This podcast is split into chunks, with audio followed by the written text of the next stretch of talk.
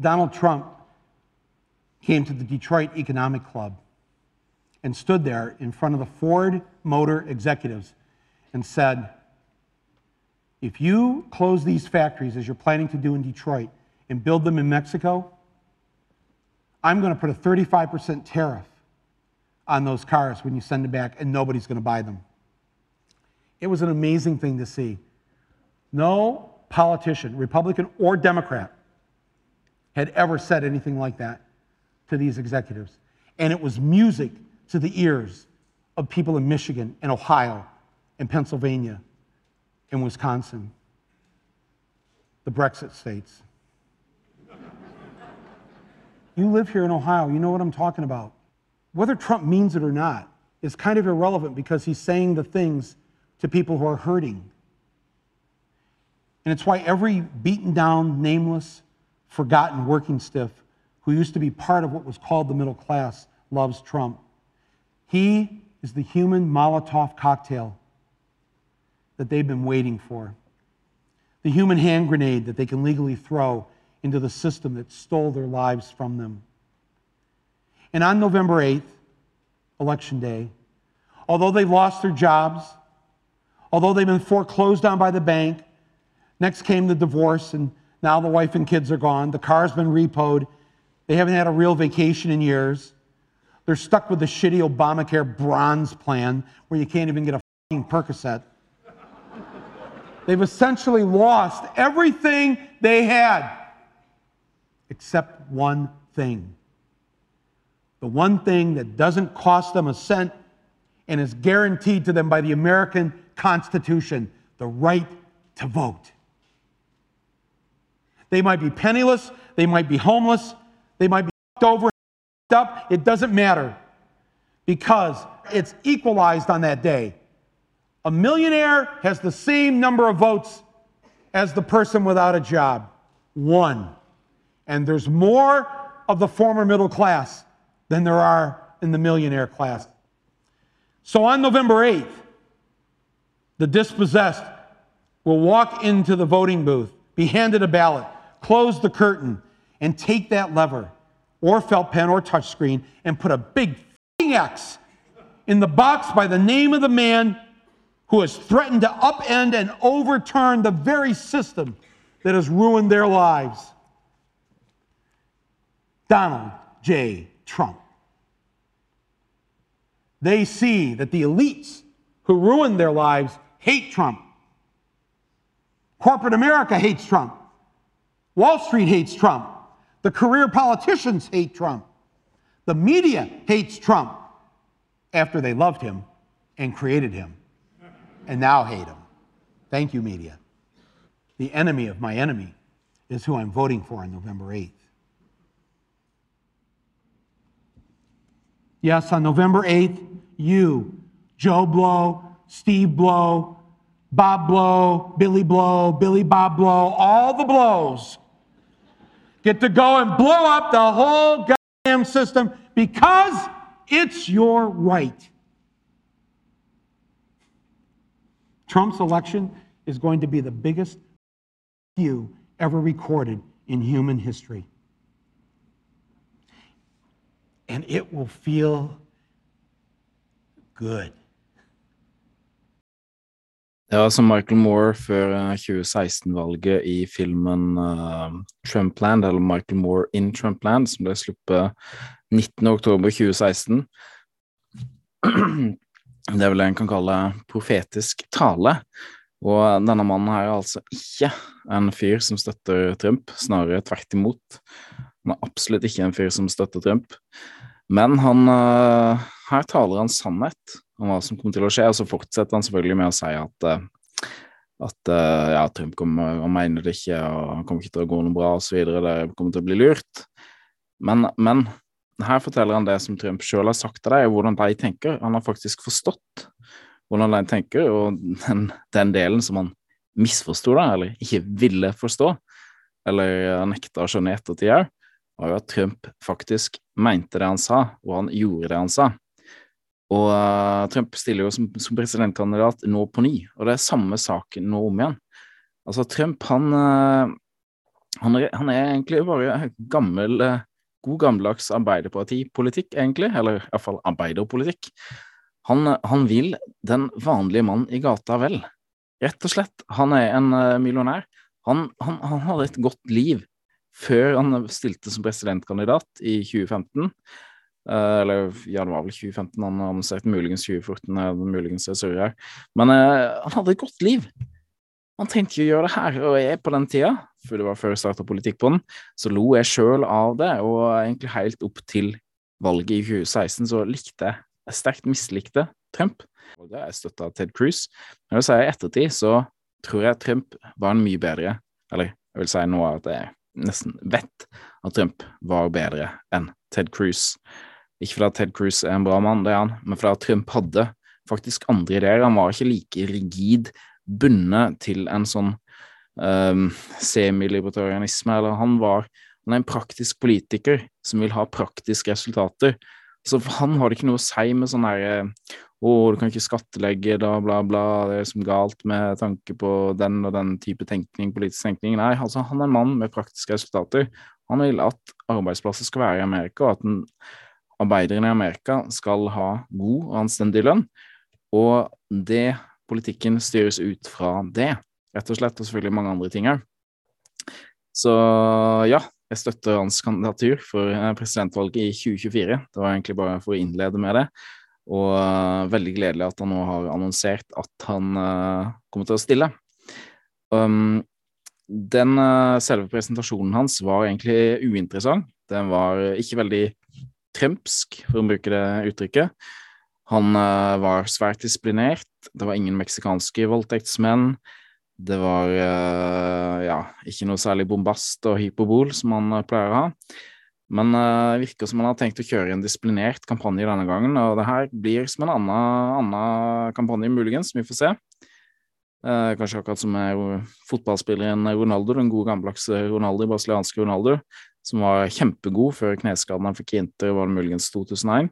Han var uh, kjemperask, uh, eksplosiv. Uh, kom til masse gjennombruddssjanser. Gjennombruddssissy, utrolig rask. Mens etterpå så var han aldri den samme, men han var på mange måter bedre, og selvfølgelig på mange måter dårligere. Han var tregere, fremdeles rask. Ikke like god akselerasjon, men han var bedre til å plassere seg og en enda dødeligere avslutter. Så vi får se. Kanskje nå Trump uh, vil være en litt annerledes kandidat enn han var i, i 2016. Vi får se. Men uh, iallfall ut fra hans uh, hans uh, annonsering, så virker det som han har tenkt å kjøre en disiplinert kampanje. Ok, da skal vi gå videre til en uh, neste sak. Nå skal vi snakke om mellomvalget i USA som akkurat har vært. Uh, der fikk jo republikanerne da akkurat uh, Kan oppfante kartet her. Det er fremdeles tre seter som ikke er såkalt called. Det er litt forskjellig fra hvem du ser, som du ser på Fox News her. Um, ja, det sannsynligvis går det setet der til Bobert, hun er veldig bra, Lauren Bobert i Colorado, 3, til, uh, til republikaneren Lauren Bobert og et sete i California her, California 13, til en republikaner kalt Duarte. Så vil jo den, eh, det setet oppe i Maine her gå til en uh, demokrat. Så det vil, en, det vil sannsynligvis ende opp med 214 demokrater og 222 republikanere. Altså vil jeg ha et uh, åtte, åttemannsflertall i uh, huset. Huset består altså Senatet så er det sånn at du har to senatorer fra hva skal jeg si? Jeg får spole litt tilbake, da. I uh, Amerika så har du jo uh, så er deres storting, eller parlamentet, er delt opp i to deler. Det er i Storbritannia. Så det har uh, Senatet, som er overhuset, og, og rep Representantens hus, eller bare Huset, som det ofte kalles, som er underhuset, da. Um, og i Senatet så har hver stat to senatorer hver, så det er 100 senatorer til sammen. I huset så er det 435 seter, og antall, eh, antallet representanter en stat får ha for å få til Representantenes hus, bestemmes av folketallet, og det er ca. sånn per 700 000 innbyggere så får du én representant, sånn cirka. Da. Så en stat som Wyoming har vel Det har kun én representant, uh, mens uh, mens uh, for eksempel Florida har Jeg tror det er Ja, det er faktisk ikke sikker, men det har uh, veldig mange, iallfall. Så her ser det ut som det har langt over Det har 20-30 stykker eller noe. Eller 50 Ja, det er iallfall veldig, veldig mange. Jeg husker ikke helt det. Samme New York jeg var oppe igjen. Jeg tror det var 28 i New York. Så det er altså sånn det funker. Så er det litt forskjellige arbeidsoppgaver, men vanligvis går en sak først til, til huset, og så til senatet etterpå. Um, ja. Så sånn er det. Men iallfall så Republikanerne ligger an til å Eller de har vunnet huset, garantert, for de har 218 for å få flertall. De kommer til å kontrollere det, men med mye mindre flertall enn venta. Så egentlig et veldig merkelig valg. Republikanerne vant jo også for øvrig de som er veldig opptatt av popular vote hele tida, og driver masa hele tida om at Hillary Clinton vant popular vote i 2016 over Trump, og at det burde oppheve det valgmannssystemet som de har i USA. Så det er jo kanskje greit å minne deg på denne gangen at republikanerne vant det såkalt popular vote med 3,5 millioner stemmer i det valget til huset i Amerika, noe som vil egentlig tilsi at de burde vinne med mye større margin enn det de har gjort. Men uh, de har altså ikke vunnet mer enn dette. Og det er veldig, veldig merkelig. Det er det. Altså, når du har en president som ligger og vaker rundt 40, og veldig ofte under 40 i approval rating, så skal ikke det her skje. Så det, det, det som er, virker som har skjedd, er at det er at valget er, valgsystemet er permanent ødelagt, rett og slett, i flere delstater pga. koronanedstengningene. Um, så det har blitt en kamp om stemmesedler istedenfor uh, en kamp om, uh, om stemmere. Om folk som stemmer.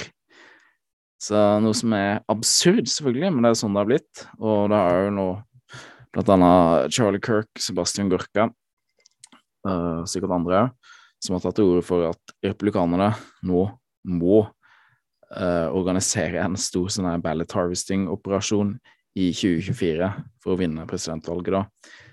Og Hvis uh, de bare lar demokratene gjøre det her, og ikke gjøre det sjøl, og ballot harvesting, altså stemmeseddelinnhøsting, der du går rundt og og får stemmesedler av folk, for så å ta dem med til et stemmelokale eller en dropbox, som det så absurd finnes masse av i USA. Det er jo helt absurd at du kan stemme bare ta, legge stemmeseddelen din inn i en dropbox, som er da Det er ofte kamera på den, men ingen som sjekker de kameraene uansett. Og så ellers er den uten vakthold. Så det her er jo skikkelig, skikkelig jeg vil kalle det valg i den tredje verden-tilstander, rett og slett. Så ja.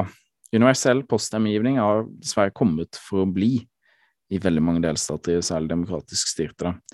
Uh, du har en stat som Florida, som for ikke lenge siden, og Ohio, som for ikke lenge siden var vippestater, men som nå er skikkelig, skikkelig Uh, harde røde, altså røde er republikanernes farge i Amerika, blå er demokratenes farge. og Florida og Ohio har blitt skikkelig harde, røde stater.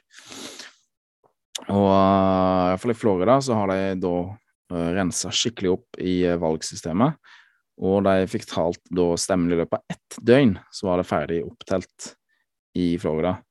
Mens i Arizona og California sånn, så er det jo telt opp til eh, ja, ganske nylig, da, iallfall minst en uke i etterkant. Noe som er, noe som er absurd. Så det er jo det som Michael Knowles påpekte på The Daily Wire, jo lengre tid det tar å telle stemmesedler, dess mindre kan du stole på valgresultatet. Sånn er det jo selvfølgelig. Altså, det er egentlig absurd, det som har skjedd i USA, dessverre. Men, men republikanerne har har vunnet huset. Det er veldig, veldig positivt. Og ja, Så når det gjelder Senatet, så klarte jo ikke republikanerne å gjøre noe, egentlig noe forskjell der, så der er jo uh, Der var det jo 50-50 fra før. Nå ligger det an til 40-50 40, Nei, ja, 40 til, 50 til demokratene, beklager, 49 til republikanerne. Så er det en sånn runoff i Georgia, med Herschel Walker mot han Warnock-fyren. Så hvis Herschel Walker vinner den, så vil det jo være 50-50, sånn som det var før president, eller før uh, dette mellomvalget òg. Og da er det jo Camela Harris da, som er visepresident, som, som har en stemme i uh, Senatet. Og da får jo demokratene da én stemmes flertall, sånn som de hadde før. Så da vil jo ståa være akkurat sånn som før. Men det som er positivt med dette huset, er at det er de som har makt til å gjennomføre etterforskninger. Um, og det er veldig positivt, for nå vil det komme mange, mange, mange ting som vil tyte ut fra, fra Biden-familiens korrupsjon og ja, hva skal jeg si, tvilsomme oppførsel, for å si det mildt. Så her er det, her er det altså noen republikanere som, uh, som uh, snakker om hva de uh, kommer til å etterforske vedrørende Biden-familiens korrupsjon. Og det her, altså ja, bare for å nevne noe den sier her, altså han, han, snakker om at de skal etterforske Bidens familiens lyssky forretningsvirksomhet, annet hvitvasking av penger, skatteunndragelse og, hold dere fast, human trafficking, menneskelig trafficking. Altså, dette er jo helt, helt grusomt, men for de som har fulgt litt med og sett hva som har kommet ut av den såkalte laptopen for helvete, altså Hunter Biden, sønnen til Joe Bidens uh, laptop, Uh, som, uh, ja, som allerede i 2019, egentlig, desember 2019, uh, eh, var, var, i hendene på Steve Bannon, blant annet, flere. Rudy Giuliani. FBI. Så historien ble da først sluppet, eller FBI var iallfall i hendene på den, 2019, og den ble først sluppet da rett før valget i 2020. Jeg tror vi faktisk rapporterte vi rapporterte med de første episodene av Politikkpodden, så dere kan jo gå tilbake og se på den. Jeg mener det var da uh, andre eller første episode i, av Politikkpodden. Uh, så nå, uh, så lenge etterpå nå, så begynner hovedstrømsmediet der nå kommer til å innrømme at det, at det her var reelt. da, CBS News og innrømmer det. og Får se om norske, norske medier må innrømme det etter hvert.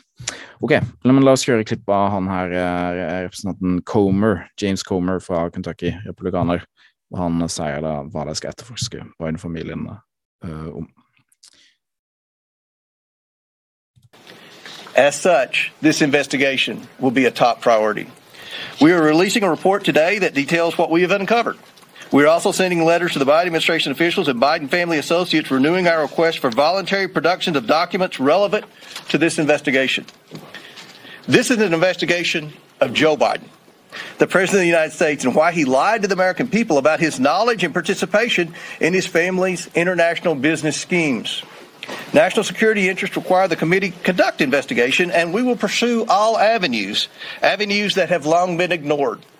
Committee Republicans have uncovered evidence of federal crimes committed by and to the benefit of members of the president's family. These include conspiracy or defrauding the United States, wire fraud, conspiracy to commit wire fraud, violation of the Foreign Agents Registration Act, violations of the Foreign Corrupt Practices Act, violations of the Trafficking Victims Protection Act, tax evasion, money laundering, and conspiracy to commit money laundering. The Biden family's business dealings implicate a wide range of criminality from human trafficking to potential violations of the Constitution. In the 118th Congress, this committee will evaluate the status of Joe Biden's relationship with his family's foreign partners and whether he is a president who is compromised or swayed by foreign dollars and influence. I want to be clear. This is an investigation of Joe Biden, and that's where the committee will focus in this next Congress. Ja. Der hørte du altså sånn uh, James Comer fra Kentucky snakke om uh, hva de kommer til å etterforske. Og det her kommer til å bli uh, bli skikkelig heftig, rett og slett, når det her begynner å tyte ut. Og folk vil se hvor korrupt Biden-familien er. Altså, det som går over ting som human trafficking, rett og slett. Um, ja. Videre så hadde jeg tenkt å etterforske FBIs valginnblanding, og som har vært massiv. Den, uh, bare tenk tilbake i 2016, der uh, Obama brukte FBI til å spionere på Trumps valgkampanje. Uh, 2018 så var det mulige etterforskninger som var eh, bare vilt sløseri med penger og ressurser. Greit nok, altså konklusjonen var at eh, Trump ikke var innblanda i noe som helst. Men Trump ble jo dratt inn i det her og ødela hans presidentperiode, eller delvis ødela den. Og i 2020 så kontakta òg FBI Twitter og ba dem sensurere historien om Hunter Bidens laptop. Den ble jo sensurert massivt på Twitter rett før 2020-valget og på Facebook. Og uh, det som skjedde da, var at mange, veldig mange ikke visste om det her med Hunter Bidens laptop. Og det var mange som svarte da i ettertid på spørreundersøkelser om at hvis de hadde visst om det her, så hadde de stemt annerledes. Jeg husker ikke hvor mange det var, men i alle fall 5 Det var nok mer enn det, men minst 5% og det er jo betydelig. Så det vil jeg jo vil si, altså Jeg mener jo Trump valgt, vant 2020-valget, selvfølgelig. Det kan jeg gå tilbake og se tidligere videoer hvis du vil høre mer om det, eller se, se se dokumentaren til Dinesh D'Souza, 2000 Mules, eller dokumentaren uh, Rigged 2020 av uh, David Bossy. Jeg tror det er Rigged 2020 det heter. Rigged et eller annet. David Bossy. Så Men det er hvis, det ikke, hvis den historien hadde, blitt, hadde kommet ut, så tror jeg de ikke hadde klart å jukse seg til seieren, for det ville vært for stor, for stor uh, margin til Trump. Ok, så vi kan se videre her snakker de om uh, etterforskningene de skal gjøre av FBI-en. Jim Jordan snakker om det litt her. Bare på et 48 sekunders klipp. A colleague of mine said this in a committee hearing a few weeks uh, Mr. Gates. He said, when is the FBI going to quit interfering with elections? 2016, they spied on President Trump's campaign. 2018, it was the Mueller investigation. 2020, they suppressed information about the Hunter Biden story. 2022, they raided the president's home 91 days before an election. Maybe it'd be nice if the FBI and the Justice Department just stayed out of it and let we, the people, decide who we think should represent us, who we think should lead us. That's supposed to be how America works. So this is the focus on the Judiciary Committee, the political nature at the Justice Department, and the linkage now to what was happening with the Hunter Biden story Again, just 15 days before we have a presidential election.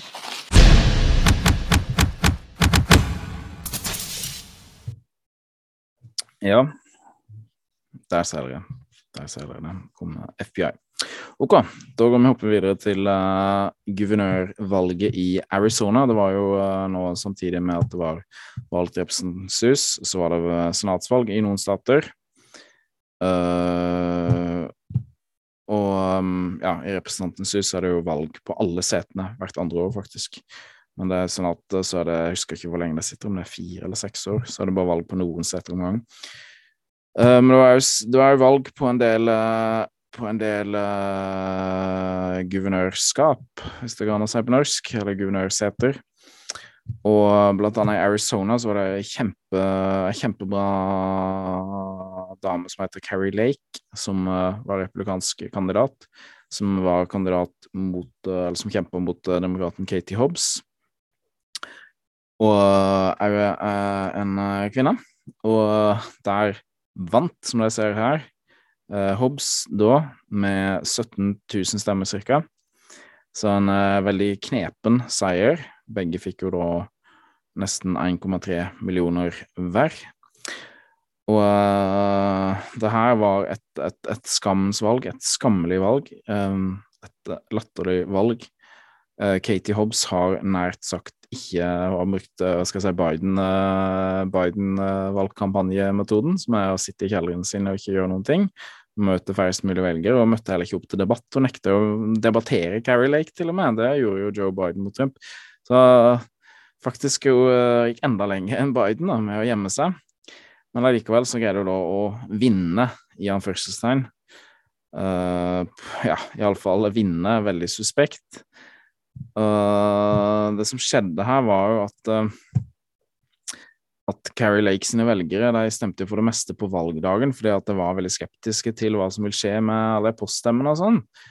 Og der i Arizona så er jo det valgsystemet så absurd at det faktisk, eh, hvis du kommer inn på valgdagen og stemmer på valgdagen, så printer de ut stemmeseddelen for deg. Og så må du ta den i en stemmeseddel, eh, stemmetellingsmaskin, en såkalt tabulator, og få den telt. Uh, og det var en uh, komment, en, en uh, rapport Altså, det som skjedde, var at mange ikke fikk Det var køer, kjempelange køer mange steder, mange som ikke fikk stemt. her er det jo en, en, en såkalt Bombshell Arizona Report fra, fra RNC-advokater, altså fra advokater, elleve advokater fra The Republican National Committee, der de ser at Election Day Problems Maricopa, altså Maricopa County, den eh, var den eh, Maricopa County eller Maricopa fylke, som er det største fylket i Arizona, flest innbyggere, uh, der det var masse problemer. Og det som skjedde her, var jo uh, Ja, la oss gå gjennom når det står her. De elleve advokatene besøkte 115 av 223 uh, stemmesentre der, der folk kan stemme. da i Eller valglokaler, valglokaler i uh, i, uh, i Arizona. Og på 72 av dem så sa de at de hadde store problemer med tabulatene, altså med de stemmeseddelmaskinene som ikke kunne greie greide ikke å telle stemmesedlene. Altså 72 av de 115 som de besøkte, altså over 62 av dem, hadde store problemer med det. Og det fikk da de som uh, skulle stemme, da, enten så la de stemmeseddelen sin i noe som ble kalt boks 3, som de fikk beskjed om, eller så måtte de kaste stemmeseddelen sin og prøve å stemme på nytt. Og så var det jo en del da som ble frustrerte og bare gikk hjem for at de greide ikke å stemme. Og det som skjedde med den såkalt boks 3, noe som de sjøl i Maricopa har innrømt, var at de greide å blande de stemmesedlene med andre stemmesedler som allerede var telt opp. Så her er det altså en sjanse for at Eller det som antageligvis har skjedd, er at det, det er flere stemmesedler som har blitt stemt med, som ikke har blitt telt. For at det har blitt blanda med stemmesedler som har blitt telt. Dette er totalt amatørmessig. Eller kanskje det ikke er det. Kanskje det er noe annet. Kanskje det er noe enda verre enn amatørmessig. Og au, så står det jo her at i mange stemmelokaler så, så, så avviste de eh, stemmetellingsmaskinene første innsettelsen av stemmeseddelen 100 av gangene. Mange steder så var det 100 av gangene første gang folk satt stemmeseddelen sin, så avviste stemmeseddelmaskinen den. Og og eh, det kunne kanskje akseptere den etter hvert, etter, tredje, etter et andre, tredje eller fjerde gangen. Men, men, det var jo mange ganger med står det however, many ballots were not able to be tab tabulated by the tabulators at all. Altså mange, men mange andre ganger så var det ville ikke stemmeseddel, stemme, stemmetellemaskinen telle stemmeseddelen uansett hva de gjorde. Og det Det her, altså, det den fikk jo da mange til å stemme i såkalt en boks tre, eller bare forlate åstedet, rett og slett. Og òg så videre så var det significant lines at 79 of the 115 vote centers, altså over 51% av stemmelokalene, så var det lange køer der mange måtte vente én til to timer før de, fikk, før de fikk mulighet til å stemme. Og det som skjedde her, var jo at mange da da rett og slett bare forlot åstedet, som sagt. Det her var da problemer med, med printerne og med stemmeseddel Stemme Beklager. Stemme, stemmegivningsmaskinene. Så totalt, totalt skammelig, dette valget her. Og i og med at de fleste på valgdagen har sett eh, ja, har sett 70 eh, tall som har blitt oppgitt. 70% av de som stemte på, stemme, stemte på valgdagen, var republikanere. Og da kan du jo tenke deg at eh, og de her problemene òg, de skjedde da, for det meste, i, i, eh, i eh, Altså på steder der det var flest republikanere som bodde, så du ramma da flest republikanere. Og det vil jeg si at i et valg der det kun skiller 17 000 stemmer, så er jo det Dette er selvfølgelig grunn til å, jeg vil si, utstede et nytt valg, enkelt og greit. Og heldigvis så ser det ut som at det er noe som skjer i Arizona. Og han statsadvokaten der, Mark Bromovich, han er en fyr som er Han er litt rhino, dessverre, altså Republican in name only, men han er litt grann bra. Han, han er ikke blant de aller verste. Han har altså, ikke han da, men kontoret hans har sendt, en, uh, sendt et brev der de krever en full rapport um, vedrørende det de kaller en myriade av problemer i Maricopa County, med fylket Maricopa, uh, med tanke på stemmegivninga der i guvernørvalget og òg ja, senatvalget og det hus, valget til hus og sånn som var samtidig. Og de har uh, krevd å få svar på masse forskjellige ting. Og det her brevet ble faktisk sendt for en uke siden, og i dag er det forresten uh, 26. november i det herrens år 2022. Det har jeg glemt å nevne, så denne episoden her har blitt spilt inn 26. november 2022. Den blir antageligvis sluppet når dere ser denne her, så er det sikkert 27. november. Men iallfall når jeg spiller inn nå, så er det 26. november 2022. Um, ja, det er action her. Her krever det svar på mange ting. Og det sier at det er en myriade av problemer, så vi får se hva som skjer. Au, uh, så har vi han uh, Det er jo valg på statsadvokat i USA, det er jo ikke i Norge, da, men uh, valg på statsadvokat i de forskjellige delstatene. og han er jo veldig bra, han Ibrahim Rey heter han. Abraham Hamarey med syrisk bakgrunn, tror jeg. Faktisk er syriske kristne foreldre, siden han heter Abraham. Um, og uh, han har da sendt inn første søksmål, der han uh, Der han uh, vil Der han, ja, han, han utfordrer valgresultatet. Så vi får se hva som skjer med det. Det skal bli behandla på mandag.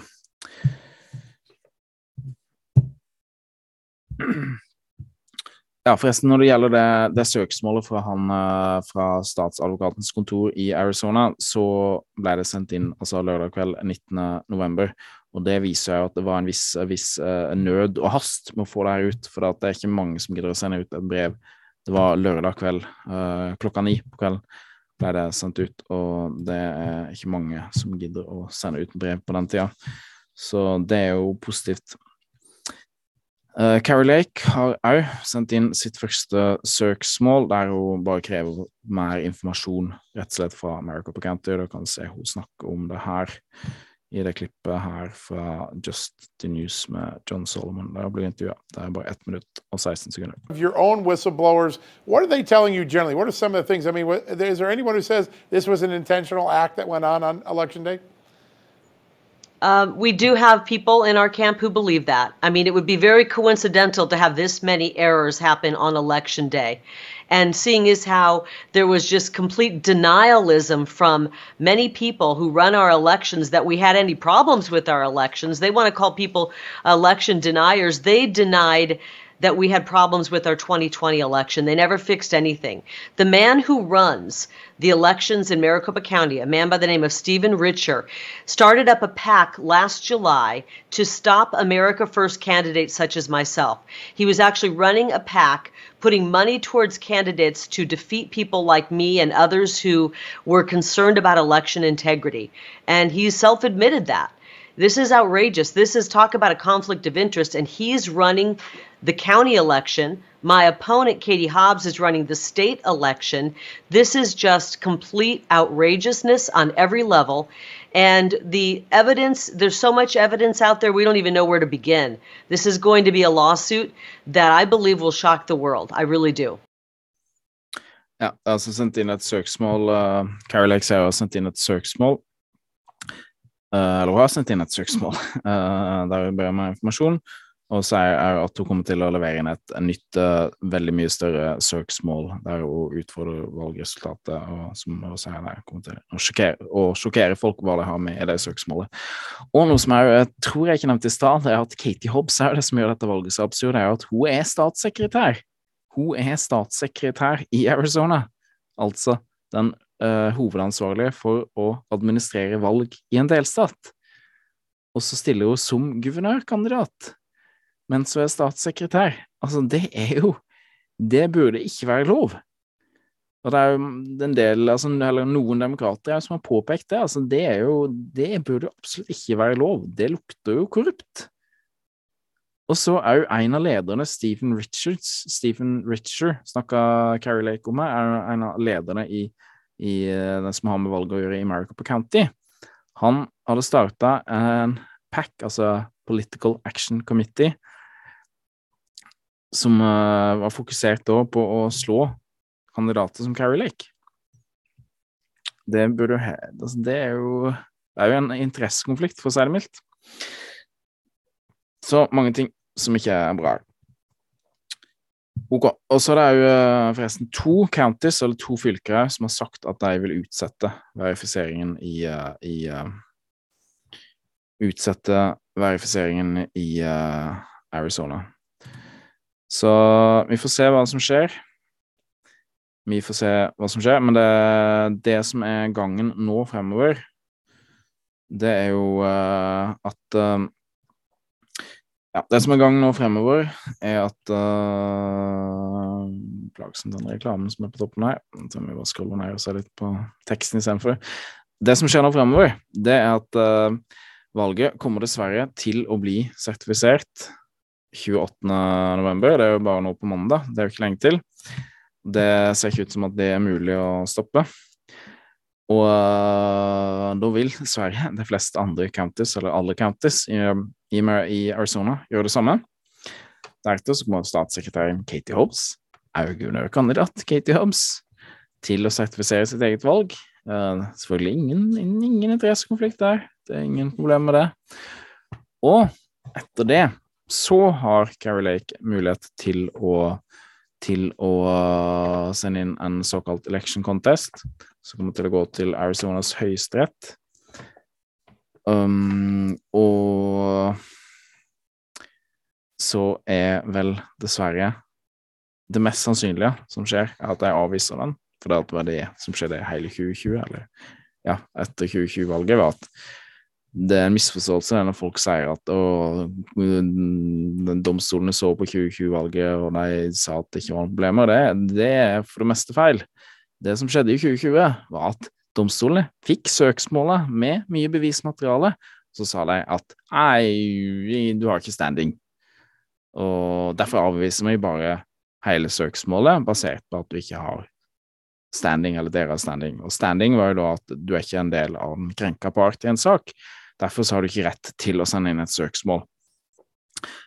Og det er det mest sannsynlige her, er at jeg sikkert finner på det. Ah, ikke noe standing. Um, ja, vi bare avviser det. Vi har ikke noe grunnlag for å behandle denne saken, så vi bare avviser hele behandlingen. Og tar ikke stilling til bevismaterialet. Så um, ja. Det så hvis jeg, venter, hvis jeg velger å ikke behandle saken, så blir Katie Hobbs guvernør. Hvis de velger å behandle den og finner ut at, at Carrie Lake tar feil, så blir jo Katie Hobbs guvernør. Men uh, hvis de behandler den, så kommer de ikke til å finne ut av det. Da kommer de til å finne ut at Carrie Lake har rett. Dette valget kan ikke, eller burde ikke sertifiseres. Det er en skam for Arizona, det er en skam for USA. Um, så jeg håper at det er det som skjer. Jeg ber om at det er det som skjer. Og hvis du òg Hvis du tror på Gud, så ber jeg deg om å be for det er så viktig òg for 2024-valget å få rydda opp på Rydda opp uh, hele valgprosessen i, i, Arizona. Det vil jo da Carrie Lake gjøre. Hvis Hobbes blir guvernør, så vil det da bare bli enda mer korrupt og enda vanskeligere for Trump eller Ron DeSantis eller hvem det nå blir, i 2024 å vinne. Det som er dårlig her, er at, at uh, han uh, guvernøren, Dog Ducey, han er jo republikaner. Han er en uh, rhino, Republican in name only. Han har gratulert Carrie Lake for et par dager siden, tror jeg.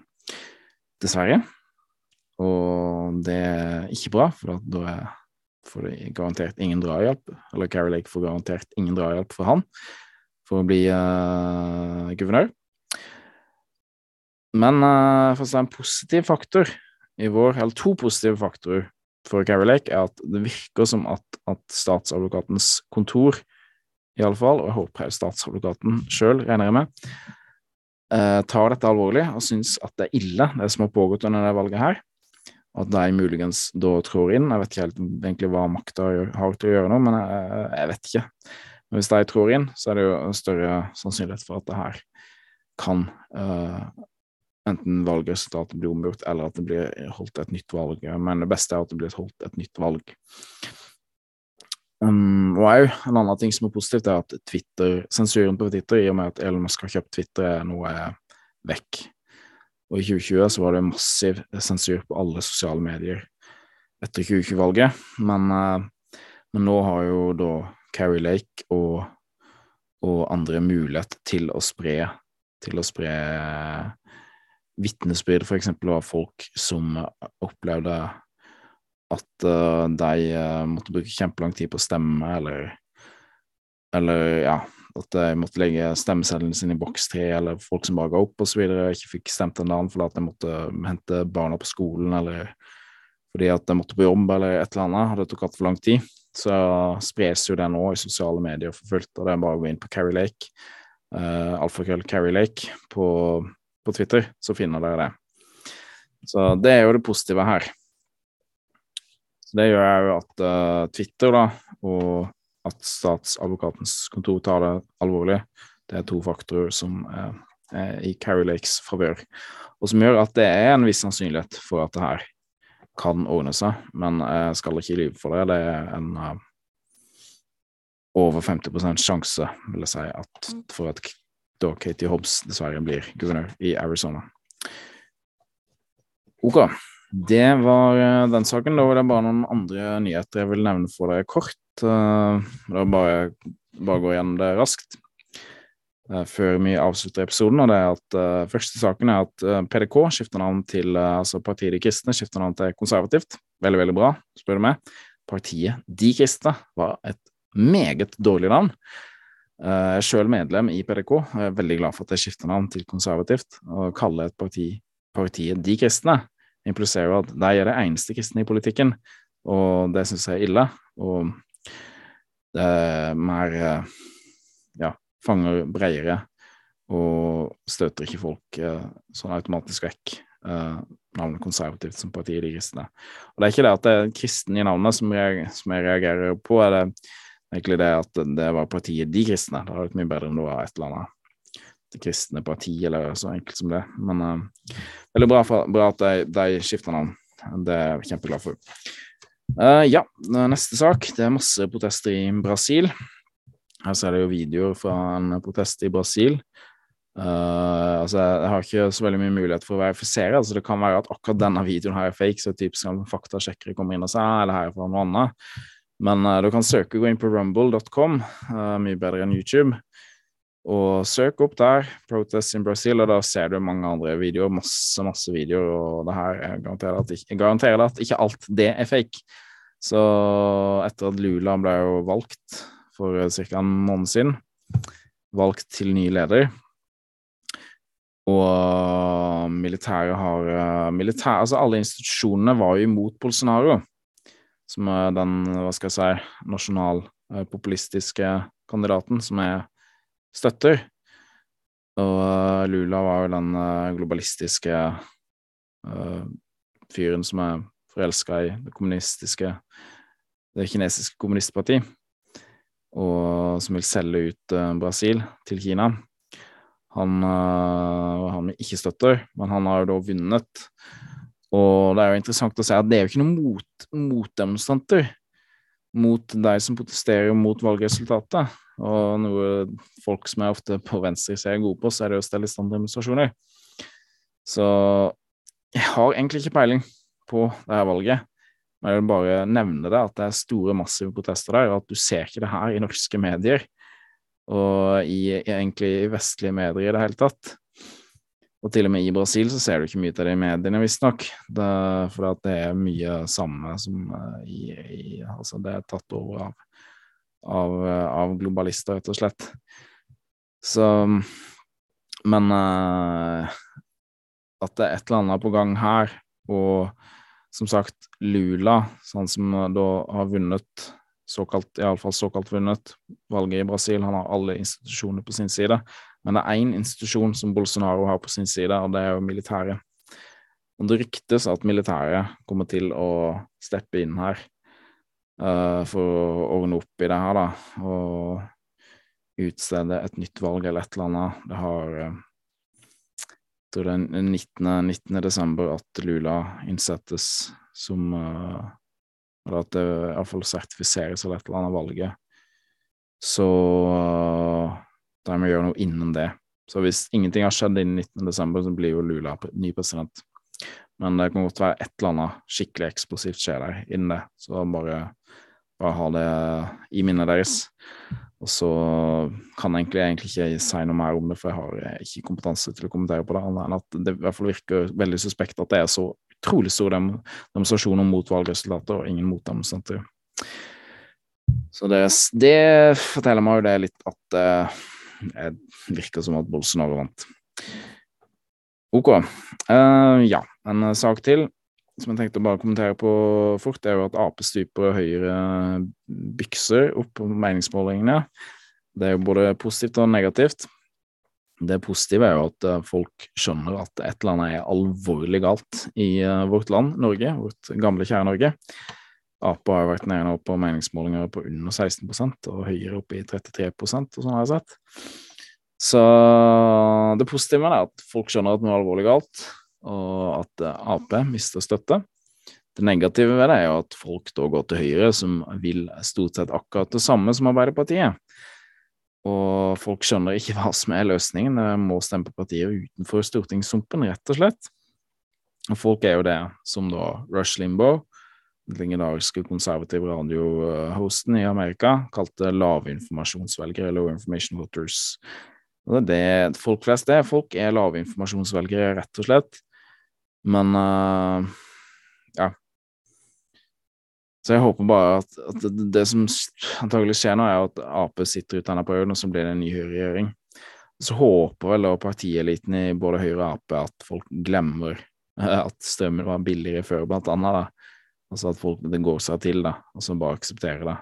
Så selv om noen andre minipartier lover å fikse opp i det, så blir det bare sånn ja, folk gidder ikke høre på en gang, for det har blitt vant til at det er høy strømpris.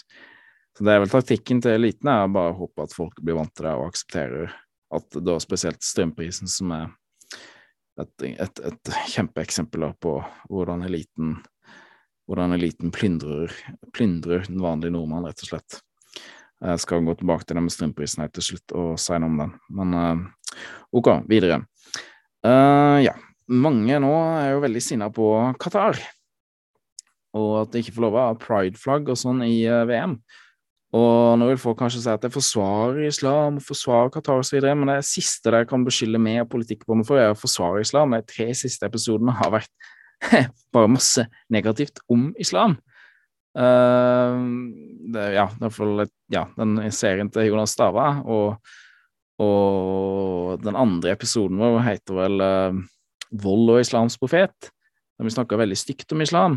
Så du kan ikke beskylde meg for å like islam. Jeg misliker islam sterkt. Islam er ikke bra, men allikevel Altså, selvfølgelig får du ikke lov å drive med prideflagg i Qatar! Hva er det her for noe tull? Og hvorfor starter vi med det? Hvorfor kan vi ikke heller starte med å prøve å innføre klassiske liberale friheter hvis du klager på, klager på forholdene i muslimske land? Er det ikke viktigere med ytringsfrihet, religionsfrihet, forsamlingsfrihet, trykkefrihet? Ikke det viktigere, de klassiske liberale frihetene, enn alle de seksuelle frihetene de vil presse på andre land? Og så er jo Det første folk tenker på når de ser prideflagget nå, er jo, ikke, er jo ikke homofili, det er jo det er transegreiene som er totalt ulogisk. Og som selvfølgelig andre land utenfor Vesten vil avvise. Og au, enda verre, alle dere som nå skal dydsignalisere og si at dere er sinna på Qatar, hvor var dere da det var OL i Kina i vinter? Jeg boikotta OL i Kina. Jeg så ingenting på det. Jeg kanskje så et eller annet klipp i reprise bare fordi nordmann vant, men jeg så ingenting direktesendt. Og så sa jeg ingenting i reprise heller. Fordi at de har over én million uigurer i omskoleringsleirer. Fordi at det driver, driver systematisk etnisk rensning i Tibet blant uigurene i, i det østlige Kina. Eller, unnskyld, i det vestlige Kina. Måten de behandler kristne på, måten de behandler andre religiøse minoriteter og etniske minoriteter på, er helt forkastelig. Måten de har et sosialt kredittsystem i Kina, er forkastelig. Og så kommer du der og klager på at du ikke kan ha et flagg i Qatar, og så føler du deg god fordi at du protesterer mot det, mens du holder kjeft mens det er OL i Kina. Fytti krisen! Jeg blir så kvalm av sånne folk. Jeg blir så kvalm av NRK som skal lage lange saker om Qatar, men ikke kan nevne et ord om Kina, nesten. Vel, min teori på om det her, hvorfor det er sånn, det er fordi at i Kina så er det et teknokratisk, ateistisk regime. Og hva er det vår elite er i Vesten òg? Jo, det er ateister og teknokrater. Jeg tror at de er hemmelig forelska i KKP, det kinesiske kommunistpartiet, og derfor så holder de kjeft. Og så trenger de òg å ha Kina som vår fabrikk, så Kina kan presse folk til å jobbe for kjempelav lønn i Kina. Så kan det være vår fabrikk. Veldig greit. Så er det samme Mye av samme ideologien som vår ledelse. Teknokrater og ateister. Fytti grisen. Slutt å klage på Qatar hvis du ikke har sagt noen ting om Kina. Slutt å klage på Qatar hvis ikke du har sagt noe om Kina. Hvis du syns det var helt greit at Kina hadde OL. Slutt. Slutt. Det gjør meg faktisk bare så vanvittig kvalm. Jeg blir så kvalm. Ok, neste sak. Elon Musk kjøper Twitter. Dette er jo en fantastisk god nyhet. Uh, ikke fordi at Elon Musk er konservativ, ikke fordi at han har særlig bra politiske standpunkter, men fordi at uansett hva ellers han måtte mene, så tror han på ytringsfrihet. Og uh, han har uh, åpna opp flere kontoer, annet Trumps konto og Jordan Petersons konto, Babylon V sin konto.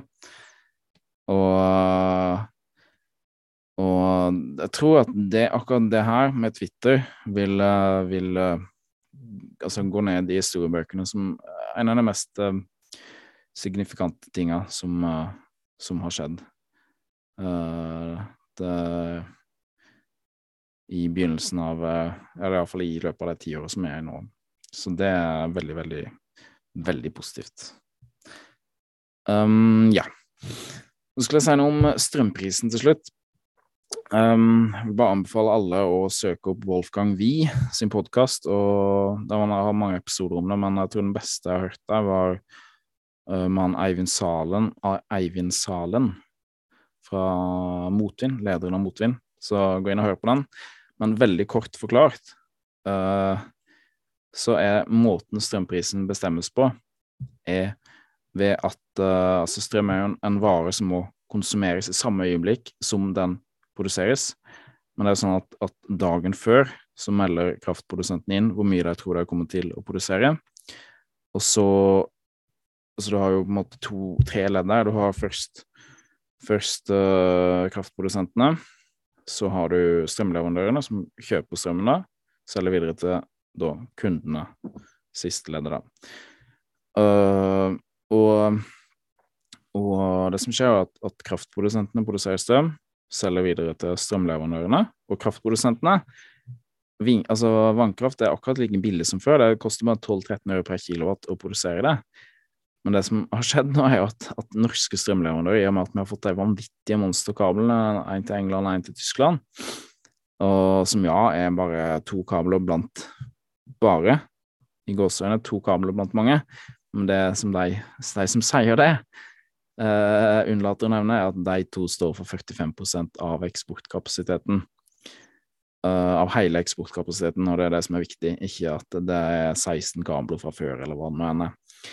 Så det som har skjedd, er jo at, at det er altfor stor eksportkapasitet, noe som gjør at, at norske At altfor mye strøm kan sendes ut av Sør-Norge, da. Og da vil jo da Altså, kraftprodusentene estimerer jo hvor mye de vil produsere, og, og så må, må dagen før, og så byr strømleverandørene på den strømmen. Og da vil jo tyske og engelske strømleverandører, der det er veldig manko på strøm, by kjempehøyt for å få tak i norsk strøm. Og like, altså, da må da norske strømleverandører by like høyt som deg for å få tak i strømmen.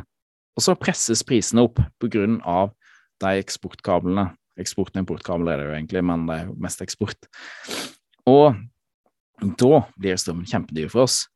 Så strømprisen er dyr ikke på grunn av Putin, ikke på grunn av tørrår eller et eller annet annet tull de finner på, eller løgner som de finner på, vår elite, men strømprisen er høy fordi at tyske og engelske strømleverandører byr som gale på norsk strøm, som er kjempebillig produsert, og så like billig som før. Og så må norske strømleverandører by like høyt for å få tak i noe strøm. Og så blir prisen høy for norske forbrukere og norske bedrifter. Så enkelt er det. Og, og selv med den såkalte strømstøtten, så, så, tjener jo staten kjempemye på det her. For at strøm, altså kraftprodusentene, er eid av eh, nesten utelukkende av norsk stat eller av norske kommuner. Så egentlig hele det greiene her er bare, bare en ekstraskatt, rett og slett. Rett inn i statskassa eller kommunekassene. Så enkelt er det. Det er så enkelt. Så vi har en, en, vi har en elite en regjering her som er så frekk og sier at det har økonomiske problemer, og så hever det andre skatter og avgifter i tillegg. Samtidig som de, de krever kjempehøy pris for, for oss, for strømmen. For altså vannkrafta altså vi har bygd ut av det, altså, det her har blitt bygd ut med våre skattepenger. Ja, I tillegg, så Ja. Det, er rett og slett grovt. Det er skikkelig grovt. Og ja, direkte umoralsk av vår elite. Så ja. Men uh, ja, det var det. Um, da tror jeg vi skal runde av episoden. Da husk å trykke på abonner, husk å følge oss på sosiale medier. Uh, det er jo sånn, uh, Dessverre, som dere har merka, så er det veldig uh, lenge mellom hver episode. Nå er det siste iallfall fra meg. Jonas Stava har jo tatt og fått lagt ut noen flere episoder. Men det kommer til å være sånn fremover, for jeg har ikke tid egentlig til å holde på med det her. Så dessverre. Syns jo det egentlig er veldig moro. Så jeg har jo lyst til å tenke litt på det å starte et uh, foretak med det her. Så hvis du kunne tenke deg å støtte det, jeg ber ikke om penger nå, men hvis jeg starter et foretak, så, og du tenker da at du har lyst til å støtte meg, og da at jeg hadde fått produsert en episode i uka, eksempel, hvis folk hadde støtta meg, så økonomisk så ville jeg satt pris på det. Så send en melding til meg på et eller annet et av de sosiale mediene vi har, i en privat melding. Og hvis du har lyst til å gjøre det, og bare ta med e-post òg helst, så ja Hvis det, hvis det finnes noen som vil støtte Jeg kommer ikke til å mase om penger nå, som sagt, men bare i fremtiden. Så hvis du kan si at ja, jeg har lyst til å støtte deg med 100 kroner i måneden, jeg støtter Politikkbånd med 100 kroner i måneden. Mm, hvis dere starter et foretak og kan love å produsere én episode i uka, så vil jeg gjerne støtte deg med 100 kroner. Eller mer eller mindre. Så ja, send en melding hvis du kunne tenke deg det. Uh, så takk for at dere lytter på. Husk å trykke på abonner, og husk å følge oss på sosiale medier. Så ja, når det gjelder Arizona, er jeg blitt veldig opptatt av, for Carrie Lake er kjempebra. Så ja, hvis du tror på Gud, be om at du vinner. Uh, så får vi bare se hva som skjer. Yes, over og ut.